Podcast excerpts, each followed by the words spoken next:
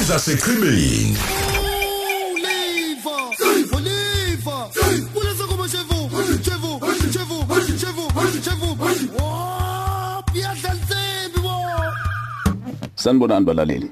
Inyanga kaMfumfu inyanga okubuye kuthiwe kufanele kugqugquzelwe kakhulu ukusetshenziswa kwechaza mazwi. Njengoba kasike sakhuluma nje ngomhlazi ishumi nesithupha eh ngesonto elidlule ukuthi kwaku kwagujwa u- u- usuku lwechaza mazwi umhlaba wonke. Ngakho ke kuthiwa kule nyanga kaMfumfu kufanele kuse- kugqugquzelwe kakhulu ukusetshenziswa kwechaza mazwi.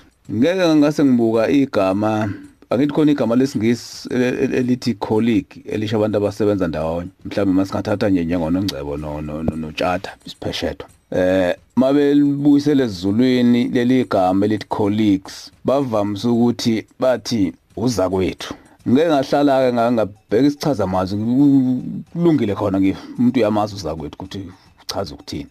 Kodwa ngase ngithi hawu ake ngisibheke isichaza mazwi ukuthi silichaza lithini igama elithi uza kwethu nozakwenu. Hayi mawulifunda mawuyifunda incazelo yegama elithi uza kwethu seli li- lithi enigane no- noma esigane naye indoda eyodwa. Uza kwethu esigane naye indoda eyodwa. Kanti uza kwenu enigane naye indoda eyodwa. Ngamanye amazwi uma ul- u- uza kwethu noza kwenu mawukubu- mawukubuka kahle kusho ukuthi ku- kukhuluma abantu bobulilo bodwa abantu besifazane. Omunye uthi zakwethu komunye no mhlambe no- nomakhuluma okukhulunywa ok- okhulumayo athi uza kwenu kusho ukuthi kuba abantu besifazane bobabili labo abagane indoda eyodwa kuza kwethu manje isithunywa sami hey asivumi kahle ukuthi lokho kuthiwa ucolleague kuthiwe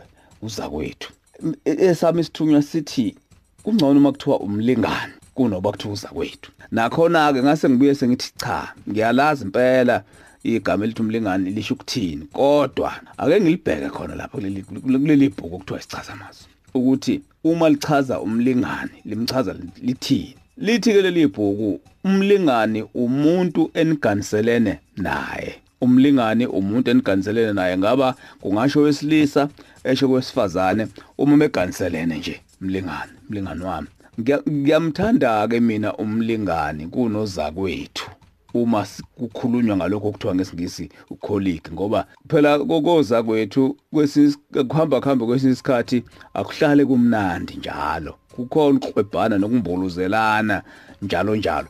Kanti ah, balingani hayi angikhumbula abalingani bexwebhana kuhlale kumnandi nje umlingani wami kwasha kwacima kwavuta amalahle kuhlale kumnandi nje. Umlingani. Ngase ngibuye sengibuka ngilokhu ngisiphenqa nje isichaza mazwi ngibuka khona lamagama ke obuhlobo ukuthi uma kuthiwa umkhwenyana nomyeni is- isichaza mazwi masikwehlukanisa kokubili lokhu sikuhlukanisa sithini?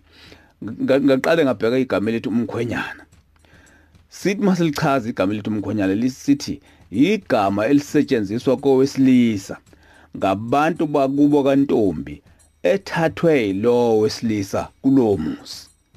Igama elisetshenziswa kowesilisa ngabantu boka- bakubo kantombi ethathwe yilowo wesilisa kulowo muzi. Ngamanye amazwi a- hhayi ukuthi lisetshenziswa i- u- u- u- lo ok- ogane wesilisa kodwa abakubuka ntombi ethathiwe. Kanti umyeni lithi isithi sichaza amazwi indoda. Yowesifazane ayiganile. Kusho ukuthi ke okufanele bakuqikeleleke eh, ngoba kukhona kwesisikhathi uzuka umuntu ethi umkhwenyana wami cha umyeni. Mawusho lona lona nje oyindoda oyiganile umyeni wakho. Umkhwenyana abakini abathi mkhwenyana. Njengangimi njengangimi nje abasekhweni lami bathi kimi mkhwenyana. Kodwa umngami ngeke athi kimi mkhwenyana wami cha uthi myeni wami Ku- i- i- lezi ndawana ke okufanele zi- ziqapheleke.